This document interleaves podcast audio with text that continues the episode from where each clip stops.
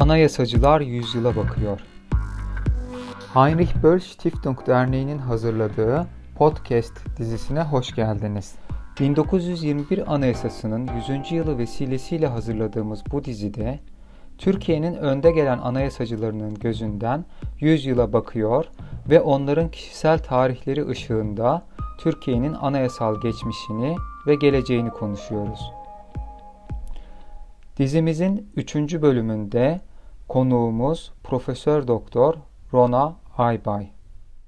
Ee, Rona Aybay ismi akla geldiğinde Rona Aybay kimdir diye sorsak herhalde herkeste çok farklı yanıtlar vardır. Devletler özel hukukçusudur diyen olabilir. Kamusal uluslararası hukukçudur diyen olabilir. İnsan hakları hukukçusudur diyen olabilir. Ee, uluslararası yargıç diyen olabilir. Çünkü Bosna Hersek e, İnsan Hakları Mahkemesi'nde yargıçlık yapmıştı. Tabii e, konuyla ve çok yakından ilgili olmayanlar için aslında anayasacı diye tanımlamak biraz e, garip görünebilir ilk bakışta ama e, doğrusu Rona Hoca'nın anayasacı bir yönü de var. Şimdi hocam hoş geldiniz.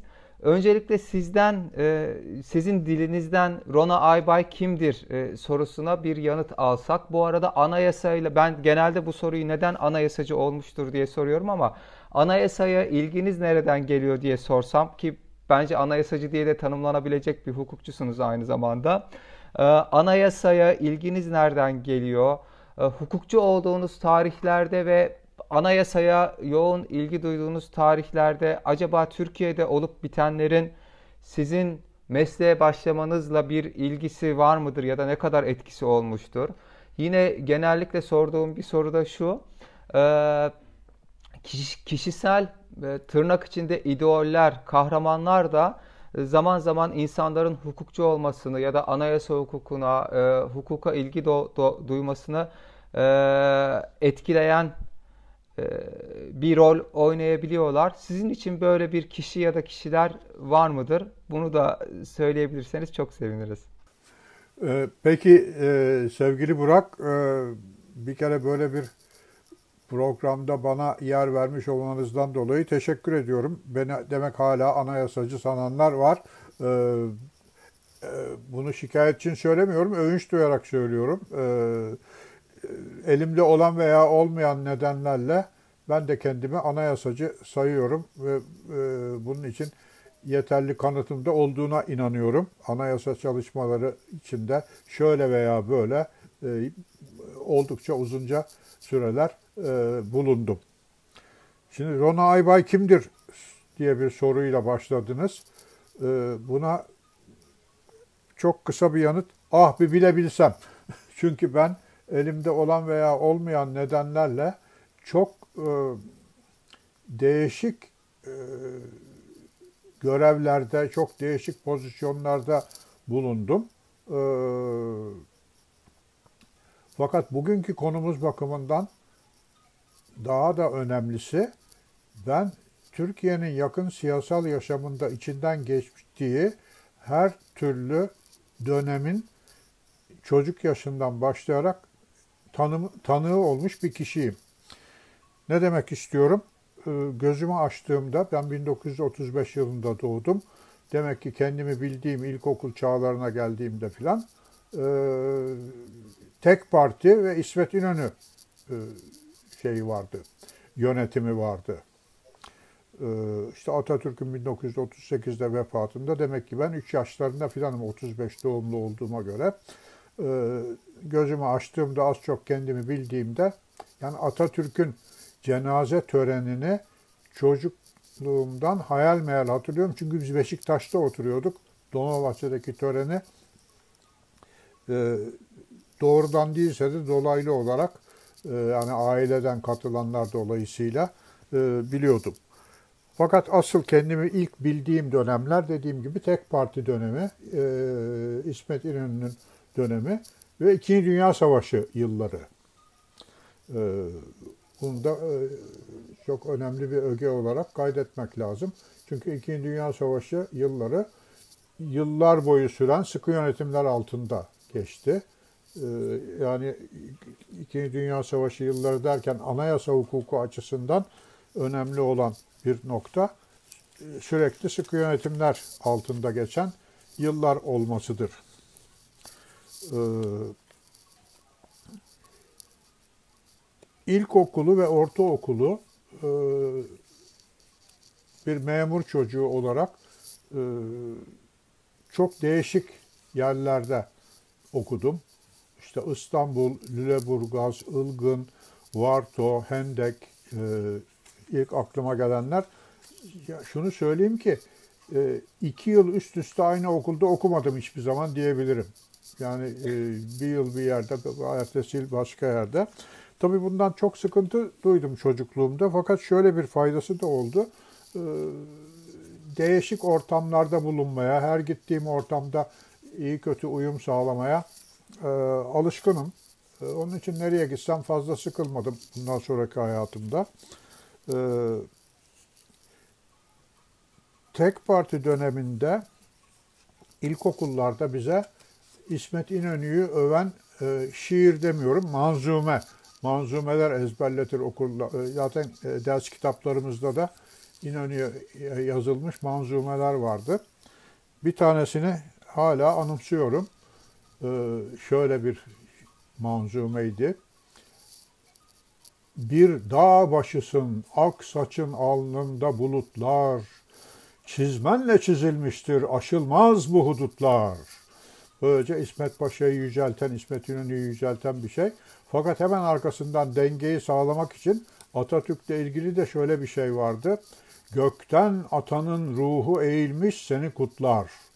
Böylelikle e, İsmet İnönü ile Atatürk arasında bir rekabet değil, aynı çizgide olmak özelliği var mesajı veriliyordu. E, başka İnönü şey, şeyi gökten alıyor. Ha, ee, gökten atanın ruhu eğilmiş seni kutlar. Yani Atatürk öldü fakat hala ruhu seni kutluyor. Ee, böyle bir şeydi. E, İsmet İnönü e, manzumeleri ezberleyerek okuduk ilkokulu. Ee, sonra ha ilkokulun son yılı Varto, Muş'un Varto kazasındaydım, ilçesindeydik. Ee, hatta e, benim diplomam da, ilkokul diplomam da biraz gölgelidir. Ee, onu da böyle tarihe bir not düşsün, e, kaydedeyim. Ee, Varto İlkokulu mezunuyum ama o zaman ilkokul mezuniyet sınavları diye bir sınav vardı. Beşinci sınıf öğrencileri sınavdan geçtikten sonra ilkokul mezunu olmak için diploma alırlardı. Ee, tam bizim ilkokul mezuniyet sınavlarının sonuncusu, hatta hiç unutmuyorum tabiat bilgisi dersinin sınavı yapılacağı günün sabaha karşı Varto'da çok büyük bir deprem oldu. Ee, yüzlerce kişi hayatını kaybetti e, okul mokul de, e, sınav mınav tabii kalmadı.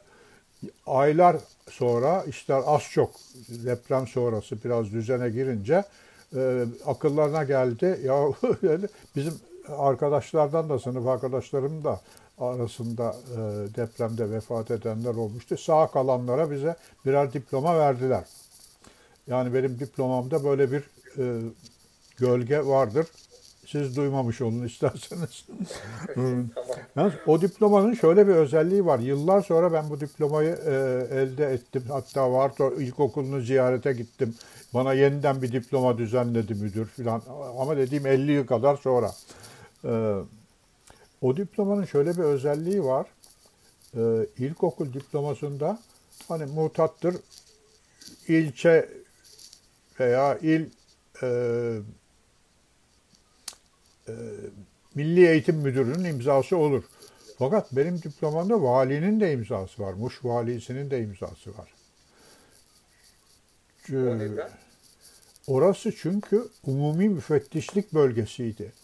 Yani Muş ve çevresi, Diyarbakır, Muş vesaire umumi müfettişlik çevresiydi. Orada öyle zannediyorum ki hanginizin diplomasında bilmiyorum valinin imzası olduğunu sanmıyorum. Ee, bende böyle bir özellik var yani bir diplomam çok sağlamdır. Onun için e, sahte diyemem. Gölgeli falan değil yani hocam. Evet. E, çifte imzalı hem e, Milli Eğitim Müdürü hem vali. E, anayasa hukuku açısından ilginç olabilecek bir anım. 1946 yılına aitse bu tam ilkokul mezunu olduğum e, yıla ait. Depremden sonra e, çadır hayatı başladı. E, aylarca çadırlarda kaldık. O arada e, 1946 genel seçimleri, milletvekili seçimlerinin zamanı geldi. Gelmiş diyeyim ben işte çocuktum. İlkokul e, son sınıf öğrencisi. E, Varton'un ortasına açık havaya bir sandık kondu. Bir, büyük bir çınar ağacı vardı onun dibine. Çünkü doğru dürüst bina kalmamıştı zaten. E, binaların çoğu zaten kerpiç olduğundan e, barınılamaz hale gelmişti. Bizim okulda e, ve benzeri binalarda aynı durumdaydı. E, ne ilgisi var derseniz bir sandık kondu kasabanın merkezine, çınarın altına. Oy pusulaları, zarflar falan da konuldu. Biz de çocuğuz işte oralarda oynuyoruz sandığın çevresinde. Zaten vardı o zaman avuç içi kadar bir yer. Ee, anladığımıza göre seçmenlerin fazla bir haberi ve ilgisi yoktu seçimden. Ee, gelen giden pek yoktu. Ee, sandık başında görevli olanlar da beklediler filan bir aile. Tek tük gelen giden oluyordu ama pek öyle e, kimsede fazla bir seçim heyecanı e, görülmüyordu. Akşama doğru baktılar sandık çok boş. Bizi çağırdılar. İstampa denen şeyi bilirsiniz mürekkepli. Ee, zaten o çevredeki seçmenlerin hemen hemen hiçbir okuma yazma bilmediği için parmak basılarak e, e, oy kullandırılıyordu. E, bizi çağırdılar. İstampayı koydular önümüze. Oy pusulalarını da verdiler. Biz de parmaklarımızı istampaya basıp işte şeye, imza yerine de basıp şeyleri e, zarfları içine Cumhuriyet Halk Partisi'nin e, oy pusulalarını koyduğumuz zarfları sandığa attık. O çok hoş bir oyundu bu böyle. E, tabii elimiz yüzümüz şey oldu. E, İstampa mürekkebine bulandı filan ama çok neşeli bir oyundu. Ve sonunda bir tek bile oy başka partiye çıkmadı. Zaten başka partinin e, oyları var mıydı ortada bilmiyorum. Demokrat Parti'nin. E, Kısacası 100 üstünden 100 e, başarıyla Cumhuriyet Halk Partisi Arto'da seçimleri kazanmış oldu. Benim de bu hizmetim Cumhuriyet Halk Partisi tarafından hala takdir edilmedi. Bekliyorum bu C, İstampa mürekkebine bulanmanın e, bir karşılığı olmalı diye düşünüyorum. E, sonra 1950 seçimleri de Hendek Ortaokulu'nun e, son sınıfında mıydım emin değilim. Evet son sınıfta olmalıyım. Ee, orada seçim oldu ve Türk tarihinde sanıyorum e, ilk e, defa ciddi, güvenilir, dürüst bir seçim yapıldı. Ee, Hendek'te de e, sandıktan büyük çoğunlukla Demokrat Parti oyları çıktı. Ve o zaman uygulanan seçim sistemi sonucu olarak da Demokrat Parti zaten çok büyük bir oy oranı kazanmıştı ama o oy oranını da aşan şekilde büyük bir çoğunlukla e, 1950'den sonraki ilk mecliste e, evet. egemen oldu. E, sonra Demokrat Parti dönemi geldi. Onun ayrıntısına girmek şu aşamada istemiyorum. İleride tekrar geleceğiz. Yani Demokrat Parti dönemi benim e, kişisel kanıma göre tam bir faşist e, yönetimdi. E, adının demokrat olduğuna bakarak demokrat bir e, yönetim olduğu düşünülmesin. E, ben de şahsen o faşist diye adlandırdığım dönemin küçük de olsa bir sillesini yedim lise çağlarında. Onu da anlatırım yeri gelince. Demek ki şimdi Türk siyasal yaşamındaki dönemlerden benim yaşadığım birincisi tek parti dönemiydi. İkinci dönem 1950'de başlayan Demokrat Parti dönemi oldu. Ee, Demokrat Parti döneminde lise öğrencisi ve üniversite öğrencisi idim. 1960-27 Mayıs'ında da deyim yerindeyse çiçeği burnunda bir asistandım hukuk fakültesinde. 1960-27 Mayıs sonrasını da yaşadık. Büyük bir coşkuyla yaşadık. yani Demokrat Parti'nin çok fanatik taraftarları dışında toplumda oldukça büyük bir iyimserlik ve coşku olduğunu söyleyebilirim. Tabii yüzde yüz herkes aynı durumda değildi. Onu söylemek mümkün değil ama yani Demokrat Parti'ye çok sıkı bağlı olanlar dışında e, toplumda e, en azından bizim çevrede büyük bir coşku ve sevinç vardı. E, sonra 1970 karşı darbesi oldu diyelim. Sonra 12 19... Mart. Efendim?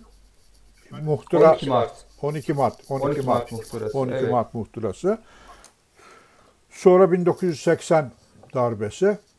Sonra da günümüzdeki anayasa. Yani e, bir insanın yaşamında e, hukukçu olarak her şeyi bir tarafa bırakıp siyaset, bilim ve hukuk açısından bakarsanız oldukça renkli bir e, yaşantım oldu diyebilirim. Çok teşekkürler hocam. Ee, tek parti dönemi ve tek parti döneminin sonundaki ilk çok partili seçimlerle ilgili olarak derslerde genellikle şeyi anlatıyoruz. Ben de anlatıyorum. Böyle yazılıyor yani biz okuduklarımıza bakarak tabii bunu hep söylüyorduk. E, gizli oy açık sayım döküm e, ilkesi yerine açık oy gizli sayım döküm oldu diye. Burada bir de e, ıstampa oyunları diyeyim tırnak içinde. ıstampa oyunları da böylece tarihe not düşmüş oldu. Demokrat Parti dönemine ilişkin gözlemleriniz için ayrıca teşekkürler. Tabii şeyi bu bahsettiğiniz dönemlerde yani 27 Mayıs ve sonrası asistandım 1960'da e, dediniz. Aslında 71'de ve 82'de de hep e, artık bir öğretim üyesi olarak sizin anayasal meselelerle ve Türkiye'nin anayasal sorunlarıyla e, bir şekilde bağlantınız olduğunu ben biliyorum. Bunlardan da birazcık söz edebilirseniz çok memnun olurum. Örneğin 61 Anayasası'nın hazırlık e, e, çalışmaları sırasındaki e, konumunuzdan diyeyim. Sonra 12 Mart sonrasında 12 Mart'ın sizin kişisel tarihinizle kesişen yanları ve tabii 12 Eylül'de de böyle bir kısaca değinirseniz çok sevinirim eğer sizin için tabii, uygunsa. Tabii, evet, memnuniyetle. Şimdi 27 Mayıs 1960'ı ben ve ailemiz çevresinde büyük bir coşkuyla karşıladık. Çünkü Demokrat Parti'nin gerçekten adıyla ilgisi olmayan bir yönetim olduğu konusunda en azından bizim çevrede sarsılmaz bir e, kanı vardı. E, yeterince de e, şeyimiz vardı, gerekçemiz vardı. E, ben işte Çiçeği burnunda bir asistandım. Çünkü tam e, yıl Aralık ayının sonlarına doğru atamam yapılmıştı. Demek ki 5 aylık falan bir asistandım. Ee, tarihe Onar Komisyonu diye geçen e, Anayasa Komisyonu e, bizim benim asistan olduğum İstanbul Hukuk Fakültesi'nde e, toplanıyordu. İlk toplantılarını rektörlük binasında yaptılar ama sonra Mukayeseli Hukuk Enstitüsü'nün e, küçük bir e, güzel salonu vardı. Orada toplanmaya başladılar ve o aşamada o komisyonun üyesi olan ve benim çok e, sevdiğim e, nikah tanığım olmasıyla da övünç duydum. Tarık Zafer Tuna'ya biz birkaç genç asistanı tavsiye etmiş yahut yardımcı aranıyor herhalde komisyonda e, asistan yardımına ihtiyaç duyulmuş. Tarık Hoca da zaten öğrencilerle, genç asistanlarla ilişkisi çok yakın olan e, bir insandı. E, İstanbul Hukuk Fakültesi'nde o zaman çok ayrıksı bir durumdu bu, istisnai bir durumdu. Öyle öğrencilerle fazla yüz göz olmak büyük hocaların şanına yakışmazdı. Tarık Zafer Hoca o bakımdan çok farklıydı. E, başka kendisi gibi bir iki hoca daha vardı ama bir üçüncüsü var mı derseniz zor çıkar. Ee, kısacası Tarık Zafer Hoca beni e, tavsiye etmiş. Murat Sarıca'yı, Yavuz Alangoya diye bir arkadaşımız vardı. Bir de Öget Öktem, sonradan tanör olan e, Öget arkadaşımız.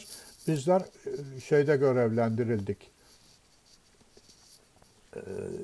Onar komisyonunun sekreteryası gibi çalışmaya. Hani anayasayı biz yaptık, ben yaptık diyecek halimiz yok. Getir götür işlerine bakıyorduk. E, fakat e, benim için tabii çok büyük bir deneyim oldu. Bir anayasa nasıl yapılır? Siz genel kamu hukuku asistanısınız o zaman öyle değil evet, mi hocam? Genel umumi kamu, amme hukuku. Umumi o zamanki adıyla evet. umumi amme hukuku. Adıyla. Evet. O zamanki adı da yanlıştı. Onun şimdi e, Türkçe çevirisi daha da bir yanlış oldu. Genel kamu hukuku. E, o dersi halen veriyorum. Kitabım da var. Adına hala e, mutabık değilim yani. Adı yanlış.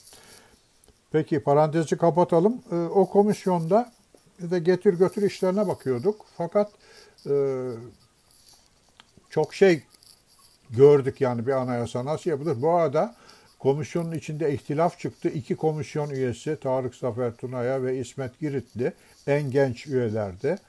Ee, Tarık Hoca yeni profesördü. İsmet Giritli doçentti. Ee, görevden azledildiler.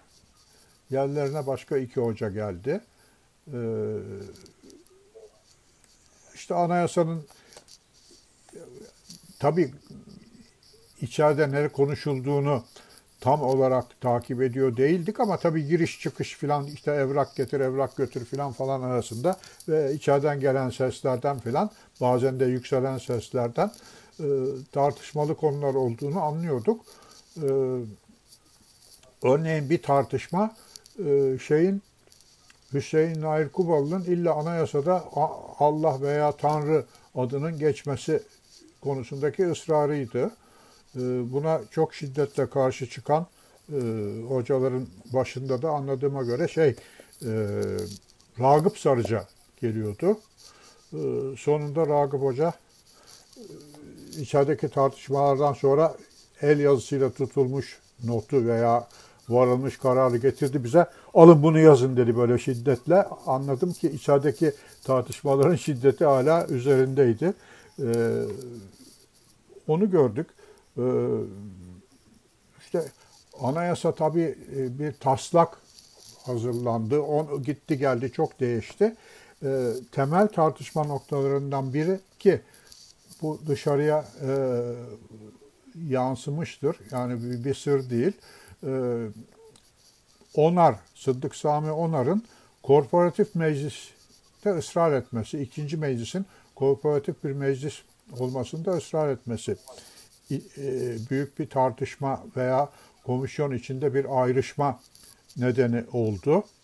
E, ikinci meclisten vazgeçilemiyordu çünkü 27 Mayıs öncesi Cumhuriyet Halk Partisi'nin ilk, ilk hedefler beyannamesi vesaire diye adlandırılan e, çıkışları hep bir ikinci meclisin kesin bir gereklilik olduğu görüşünü ifade ediyordu. İkinci meclisten vazgeçilmiyordu. Bu defa ikinci meclisin nasıl olması gerektiği e, konuşulurken Sıddık Sami Bey e, korporatif mecliste ısrar etti. E, bu yüzden ihtilaf çıktı. Tarık Hoca ile İsmet Giritli Hoca da zannediyorum ki bu şey bu konudaki ısrarları yani karşı çıkışları nedeniyle komisyon üyeliğinden e, azlettirdi. E, yani şey genel kanı onarın ağırlığını koyarak Milli Birlik Komitesi o zamanki askeri yönetim mi bu iki üyeyi görevden almaya ikna ettiği yolundaydı. Bunu kanıtlayacak bir şeyim yok ama herkesin en azından hissiyatı bu idi. Sonra zaten Tarık Sefer Hoca e, üniversiteden de uzaklaştırıldı. Sonra aynı iki isim, mi? aynı iki isim 147'ler denilen listeye de konuldu. E, fakat sonradan e, onları bir tür onore ettiler. Yurt dışı e, danışmanlık e, görevleri için e, Tarık Hoca'yı Paris'teki büyük elçilik nezdinde veya Paris'teki büyük elçiliklerden birinin nezdinde. Çünkü o zaman NATO'nun karargahı da Paris'teydi, OECD de Paris'teydi, UNESCO da Paris'teydi. Tabii bir de büyük elçiliğimiz vardı. Hangisindeydi bilmiyorum ama ta, yani sembolik bir görevle Tarık Hoca'yı e, Paris'e gönderdiler. İsmet Giritli'yi de şeye Birleşmiş Milletler'e e, Türk delegasyonuna danışman olarak gönderdiler. Böylelikle onore edilmiş oldular. Çünkü bu insanlar 27 Mayıs'ın öncesinde Demokrat Parti'ye karşı çıkarak e, 27 Mayıs 1960'ın bir tür entelektüel zeminini hazırlayanlar arasındaydı, etkiliydi. E, Cumhuriyet Gazetesi'nde yazdıkları yazılarla, verdikleri demeçlerle. E, yani 27 Mayıs yönetimi onları büsbütün tırnak içinde e, harcamaya da kıyamadı. Böyle bir şey e, onore etme formülü bulundu. Evet, nerede kalmıştık Burak'cığım? 27 Mayıs'ı bitirdik. Şimdi 12 Mart'ın ve 12 Eylül'ün sizin kişisel tarihinizle kesiştiği noktalara belki değinebiliriz. Hmm. Ee, İsterseniz.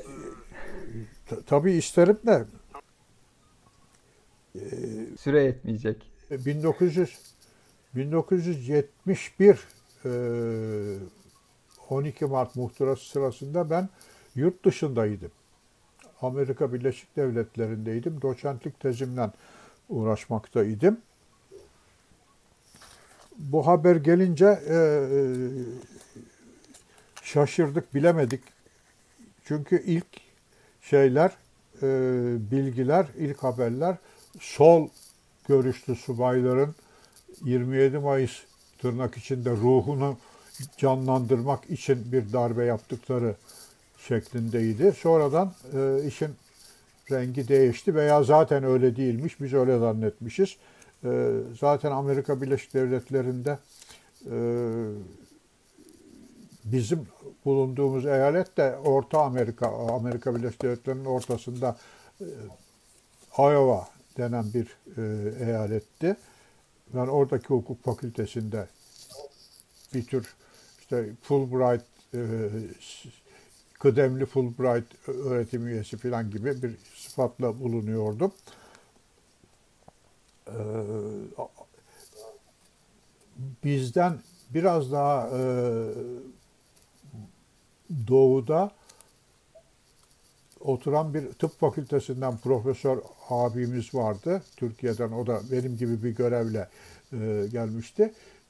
Ona gazeteler Türkiye'den gelen gazeteler bir gün erken geliyordu. Ben de ona telefon ediyordum haberleri daha erken alabilmek için filan. Sonunda eşim biz dedi burada e, zaten kıt kanaat geçiniyoruz. E, bir de telefon parası yüzünden başımız var. Biz Türkiye'ye dönelim istersen dedi. E, e, zaten e, derken e, Amerika'daki işte profesörler e, Hepsi değil de bazıları ilgilendiler. Hepsi değil diyorum çünkü Amerika Birleşik Devletleri'ndeki hani genelleme yapmıyor hukuk profesörlerinin çok büyük çoğunluğu Amerikan hukukundan başka hiçbir şeyle ama hiçbir şeyle ilgilenmezler. Yani dünya batsa e, pek haberleri olmayabilir bazılarının. E, o kadar da yani kendi alanlarında yalnız ezbere şeyi bilirler. Yüksek Amerikan Yüksek Mahkemesi'nin 100 yıl önce şu davada verdiği kararı ezbere bilir. Fakat ondan sonrasını şey etmez. Ee, düşünmez. Yani mukayeseli hukuk diye bir şey yoktur. Ben sözüm ona mukayeseli hukuk master yaptım Columbia Üniversitesi'nde ama hiçbir şey karşılaştırmadık. Ee, karşılaştırmak isteyince de e, işte bizimkini öğreniyorsunuz karşılaştırmayı siz yapın. Zaten Amerikan hukukundan daha büyük, daha başarılı bir hukuk sistemi var mı ki neyi neyle karşılaştıracaksın filan gibi bir havada idiler. Yeri gelmişken şunu Burak'cığım belki hatırlarsın sana söylemişimdir. Amerika Birleşik Devletleri'nde ilk anayasa dersine girdim master öğrencisi olarak. Ee, Profesör Wexler diye Amerika'nın işte en önde gelen zaten Columbia Üniversitesi de Amerika'nın en önde gelen birkaç üniversitesinden biri. Wexler işte anayasa konusunda Amerika Birleşik Devletleri'nin ilk birkaç isminden biri. İlk derste bir Amerika e, şöyle bir soruyla başladı. Zaten Amerikan hukuk hocaları ders anlatmazlar. Soru sorarlar. Öğrenciyi e, konuştururlar. Bir anayasada ne gibi ögeler bulunmalıdır, ne gibi hükümler bulunmalıdır diye bir soru sordu. E, Ben zaten hani İngilizceme hiç güvenmediğim için böyle topluluk önünde birdenbire söz alıp konuşacak e, cesareti de kendimde bulamadım. Fakat Hintli bir arkadaş vardı bizim sınıftan ki İngilizce ile ilgili hiçbir problemi yoktu. Zaten bütün ömrü İngilizce okuyarak gelmişti.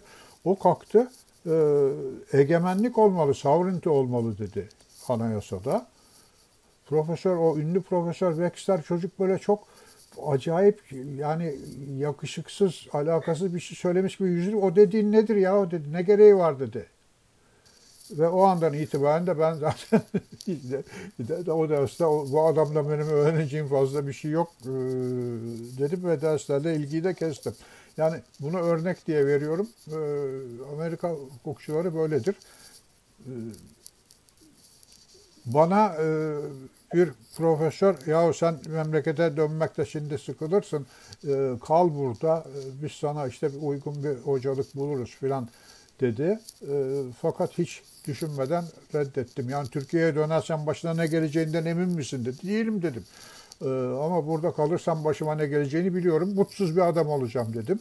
Ee, eşimle de konuştuğumda aynı şeyi söyledi. Dedi, sen dedi burada Türkiye'den bir gün erken haber almak için telefonları e, telefon parasını ödemekte zorluk çekiyoruz.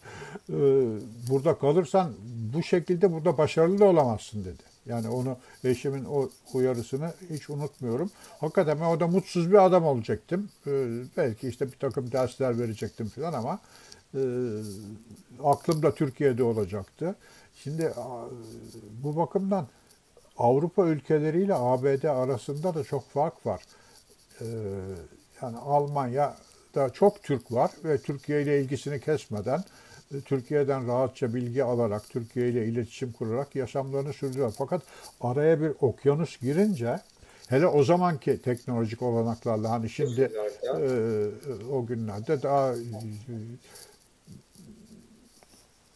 yani şimdi bu internetti bilmem neydi filan böyle görüntülü telefon konuşmasıydı filan e, olmayan bir dönemde hakikaten şey etmedim.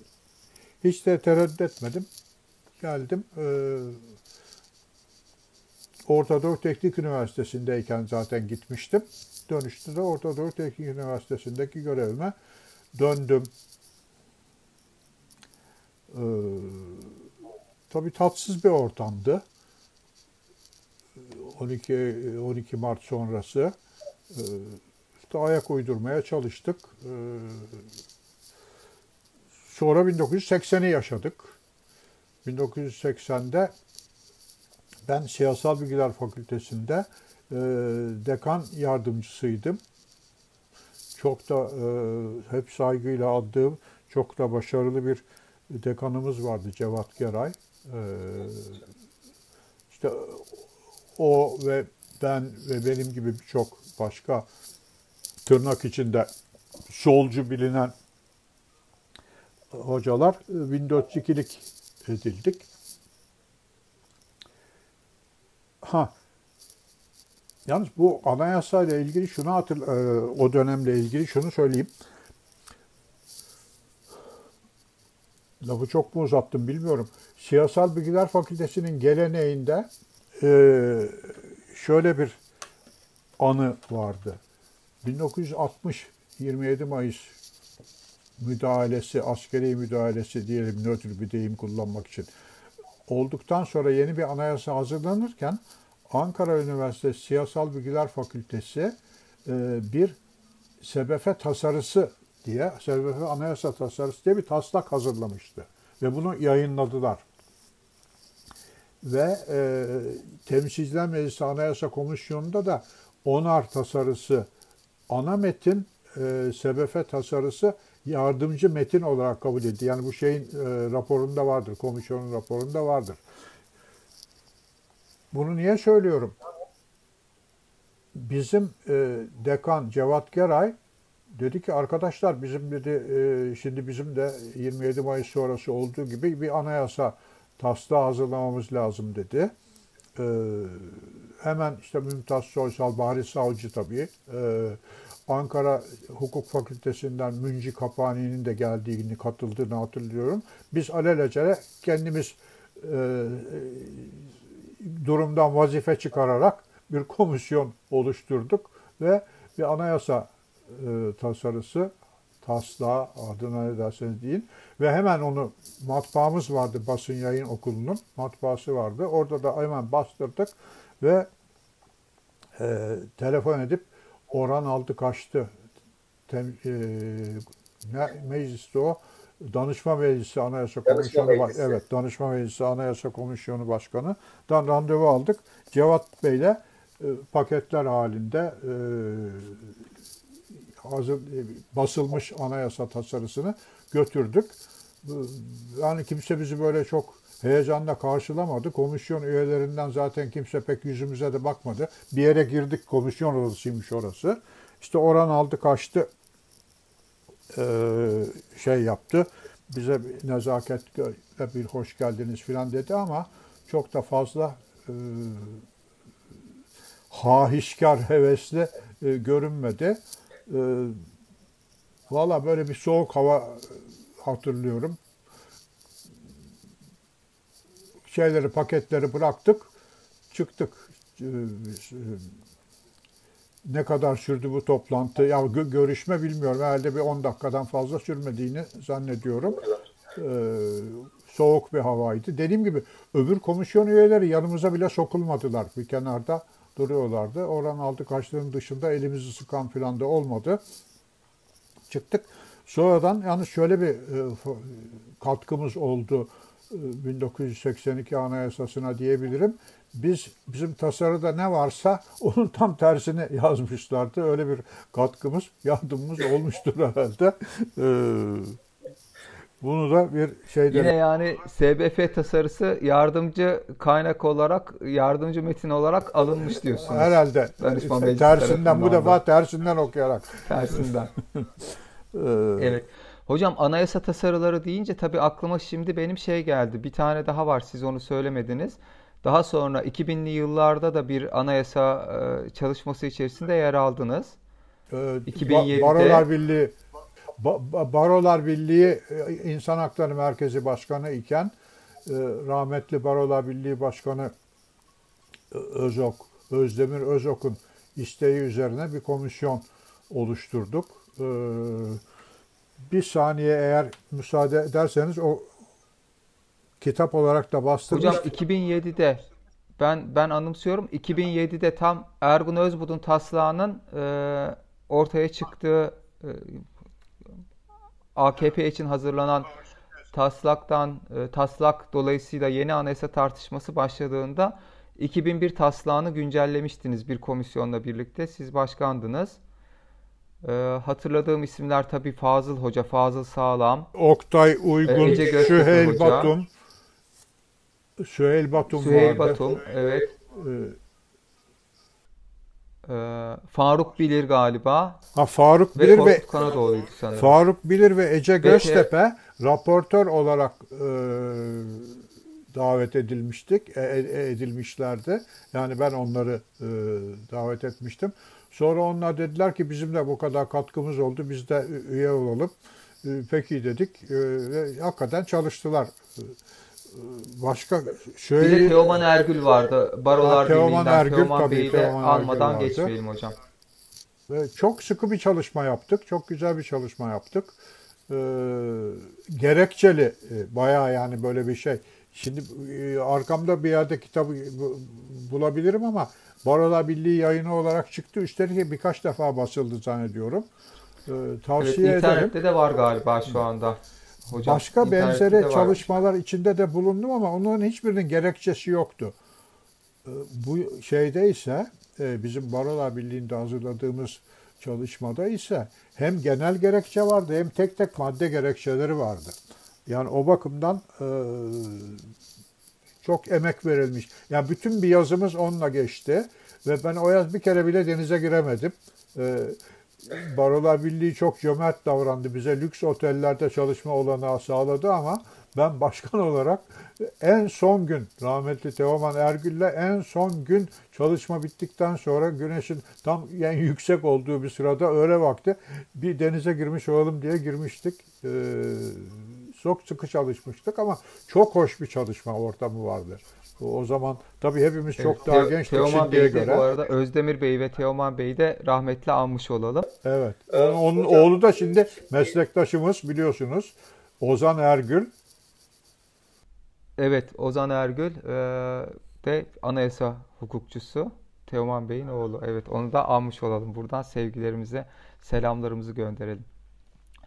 Hocam e, bir başka sorum 21 Anayasası ile ilgili ve aslında 21 Anayasasına bugün 2021'den baktığımızda e, Türkiye anayasacılığında nasıl bir e, yerde duruyor 21 Anayasası? 21 Anayasası'nın önemi sizin için nedir desem birkaç cümleyle belki zor bir şey birkaç cümleye sığdırmak ama birkaç cümleyle nasıl özetlersiniz 21 Anayasası'nın önemine?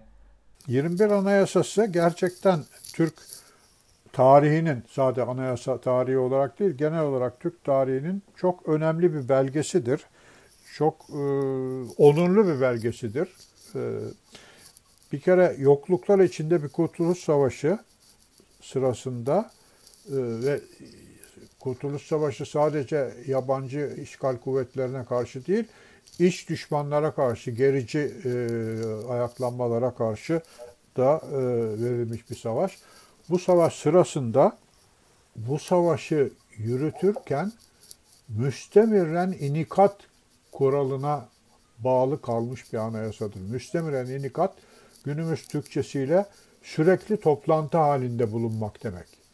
Şimdi düşünün bir meclis yokluklar içinde Ankara'da e, doğru dürüst yatacak kalkacak yerleri yok.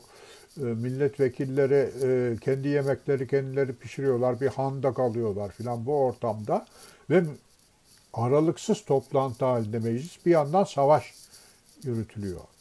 Yani bu bence çok e, devrimci bir şey. Devrimci örnek, davra, devrimci davranışa bir örnek. Müstemire nikat ilkesi ve meclis her an görevde. En üstün güç, e, milletin yegane ve gerçek temsilcisi olarak kendisini e, nitelendiren bir meclis ve sürekli görev halinde. Savaş, barış, gece, gündüz, e, tatil dinlemiyor. Müstemiren indikat. Bu bence çok önemli bir ilke. Meclisin üstünlüğü, meclisin e, saygınlığı ve meclisin kendi egemenliğini korumaktaki titizliğini göstermesi bakımından da ilginç. Ve bir de e, sevgili Burak hatırlarsın hep bunu konuşuruz. Meclisin yetkileri sayılırken e, savaş ilanı, savaş ilanı yazılması beklenen yerde ne görüyoruz? Vatan müdafası. Yani evet bu aslında e, 20. yüzyıldan 21. yüzyıla e, tutulmuş bir ışık. Çok yıllar sonra İkinci Dünya Savaşı sonrası ancak Millet e, Birleşmiş Milletler e, Anayasasına, Birleşmiş Milletler Antlaşmasına girmiştir. E, savaşın sadece e, savunma için yapılacağı ilkesi. E, 1920'lerin bozkır, yoksul Ankara'sında o insanlar, tabii başta Gazi Mustafa Kemal, e, bunu bir anayasal ilke olarak koymuşlardı. Dünyayı dünyaya ışık tutan bir ilkedir bu. E, yani savaş ancak Üstelik vatan bir savaş yürütürken. Efendim? Evet, üstelik de bir savaş yürütürken evet. Bu 21 Anayasası üstünde biliyorum siz de çok çalıştınız. e, hakkı verilmesi gereken, e, övünçle anılması gereken bir yasadır. Anayasadır. Çok teşekkürler hocam.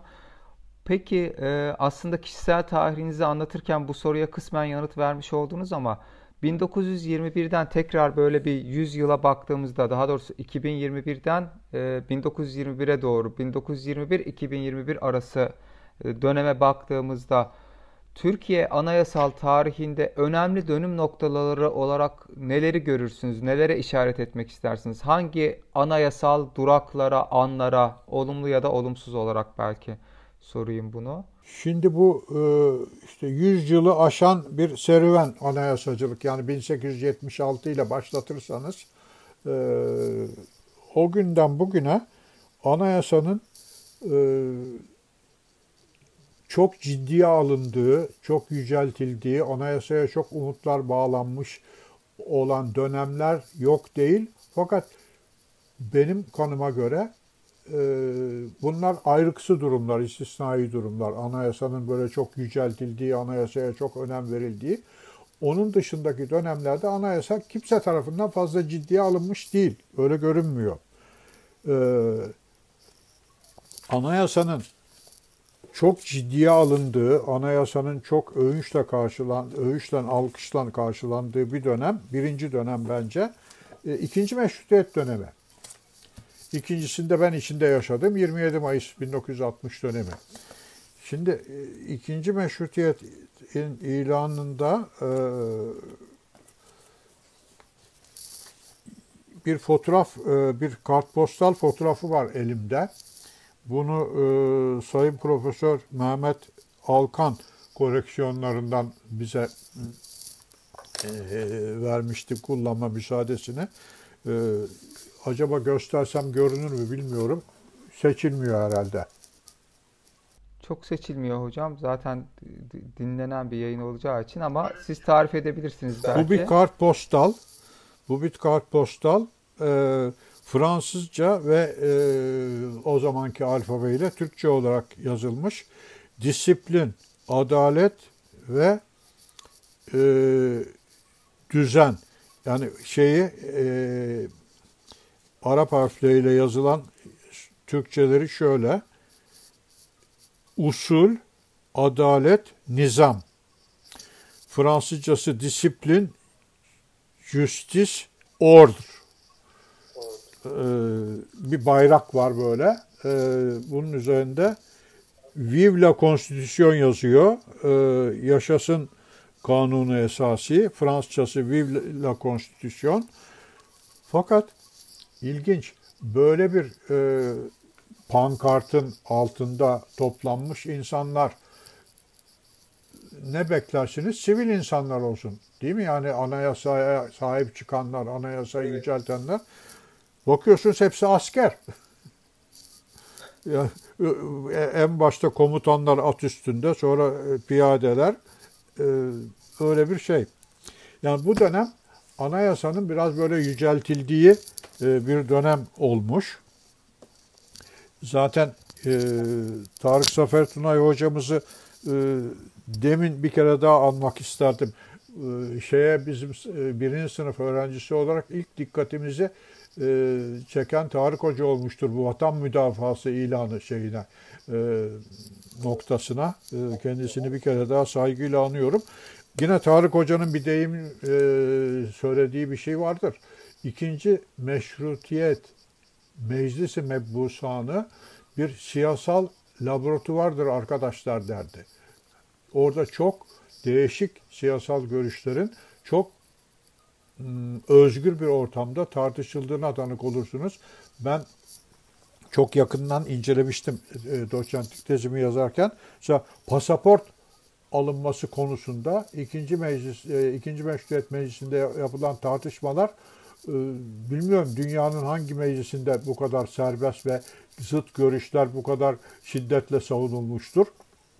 Ancak Fransız ihtilali dönemindeki mecliste e, olabilirdi bunun benzeri. Olmuştur nitekim.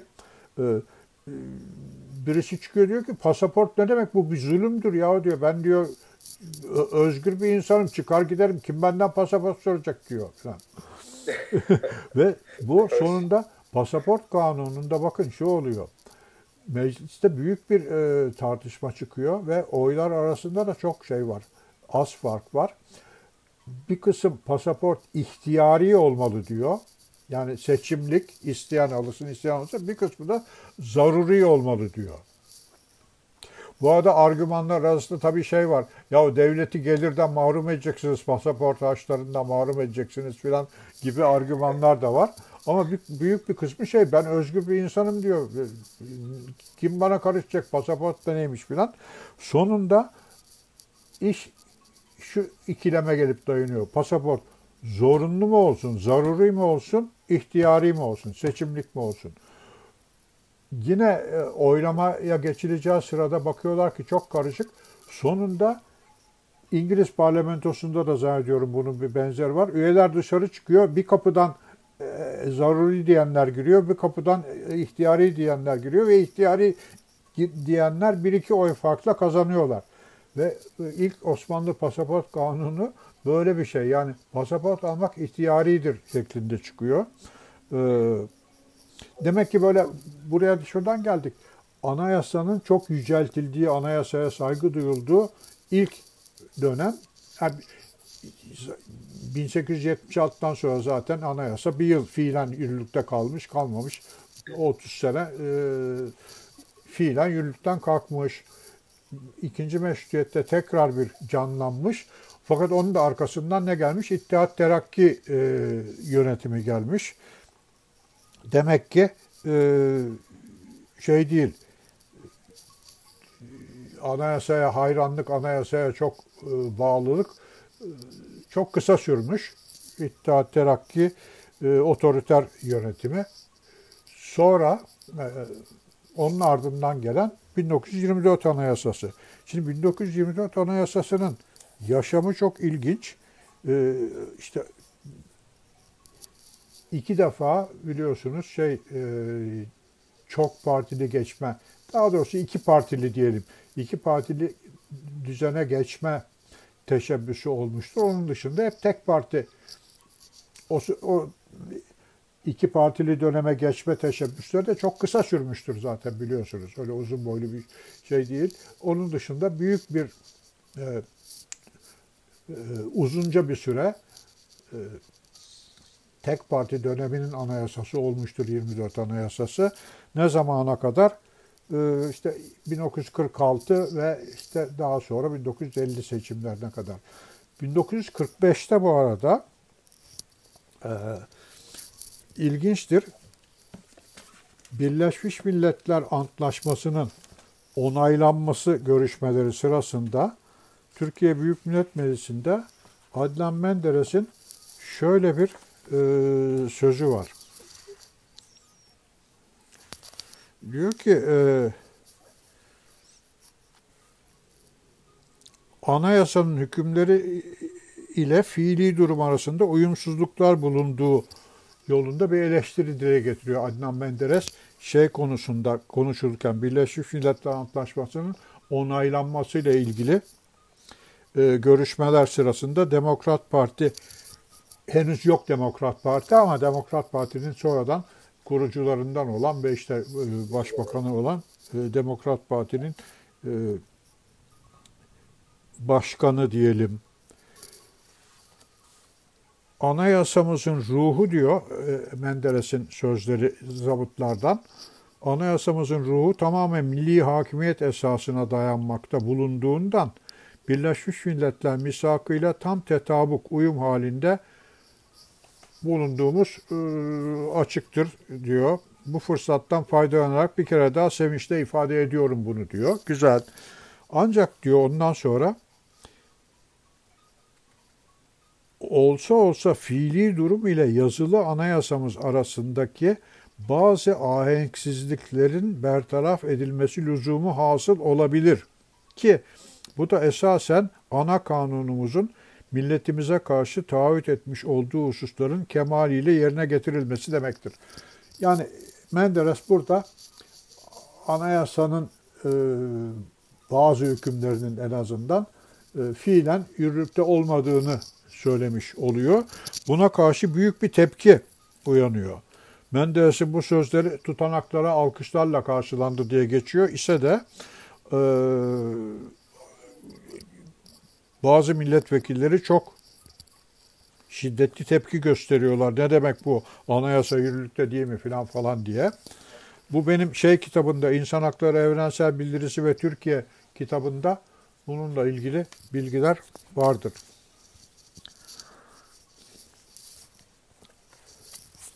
Sonra çok partili yaşama geçildiğinde 1924 Anayasası, ha bu arada 24 Anayasası Demokrat Parti iktidara geldikten sonra e, 24 Anayasası önce Türkçeleştirilmişti 1945 yılında. Evet. E, Demokrat Parti'nin Anayasa. yaptığı ilk işlerden biridir. E, şey eskiye dönüldü. İşte Divanı Muhasebat, e, Erkan-ı Harbiye Umumiye Reisi filan gibi Türkçe'de söylenmesi zor e, sözler tekrar geriye getirildi.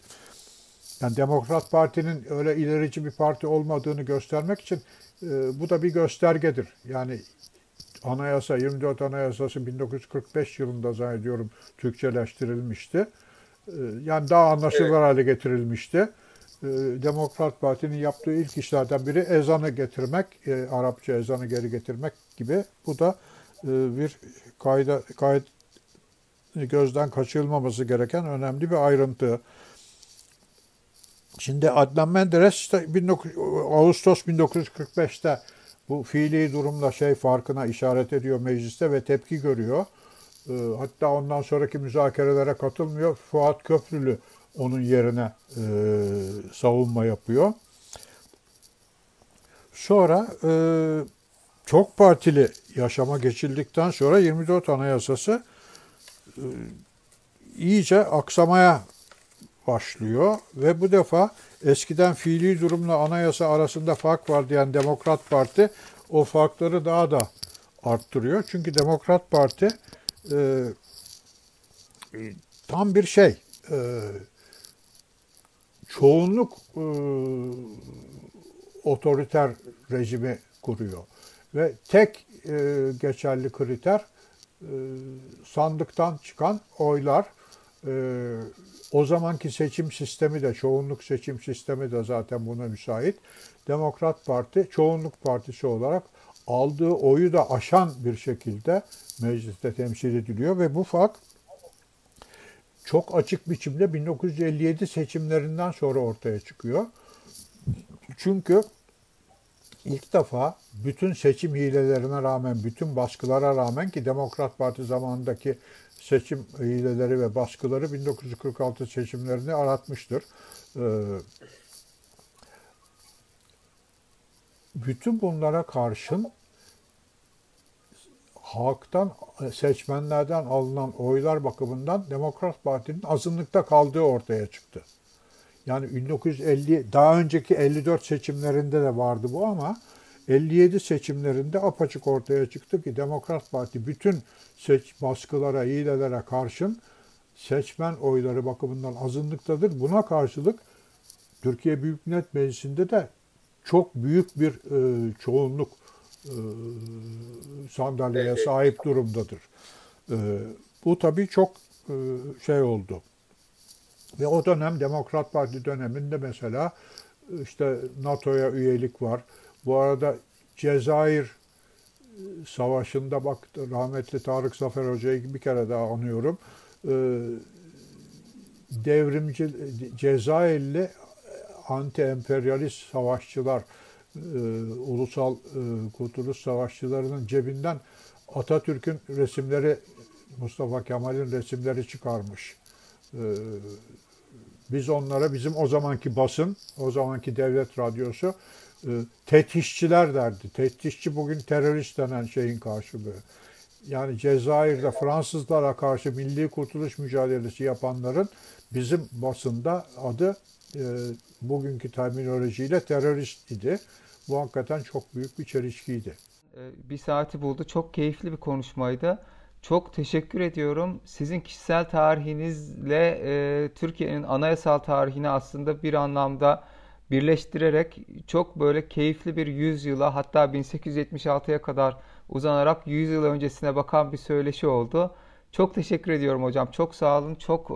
Ben teşekkür ediyorum. Ben ya nasıl laf bulacağım, bu programı nasıl dolduracağım derken anlaşılan iyice ipin ucunu kaçırmışım ama çok keyifli oldu. Ben de çok şey, sevindim. Ee, bizi izleyenler, dinleyenler, hakimlerse hepsini saygıyla, sevgiyle selamlıyorum. Burak'cığım sana da çok teşekkür ediyorum. Hoşçakal. Ben çok teşekkür ediyorum hocam. Biz çok teşekkür ediyoruz. Ee, iyi günler diliyoruz.